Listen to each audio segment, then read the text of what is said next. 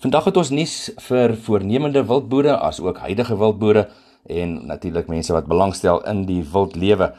En dit gaan oor 'n inligtingstuk wat eh, pas gepubliseer is van Wildlife Ranching SA, ook genoem WRSA, wat 'n vrywillige organisasie is. Dit is 'n nie-winsgewende lidmaatskaporganisasie wat die belange van wildboere as ook privaat natuurbewaarders op eh, nasionale sowel as provinsiale en internasionale platforms dien.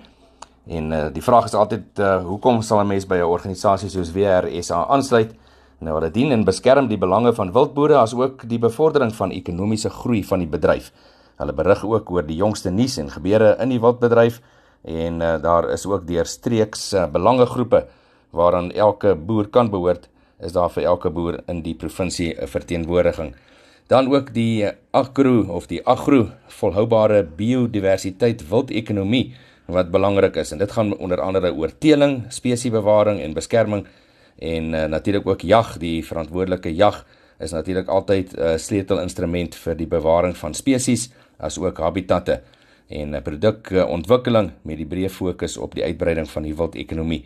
Dan is toerisme is ook nog 'n afdeling, dit is verantwoordelike toerisme aktiwiteite met die klem op biodiversiteit en habitatbewaring en uh, natuurlik laastens ook die gemengde boerdery uh, waar uh, wildhabitat uitbreiding gefasiliteer kan word deur die agro volhoubare biodiversiteit wildekonomie.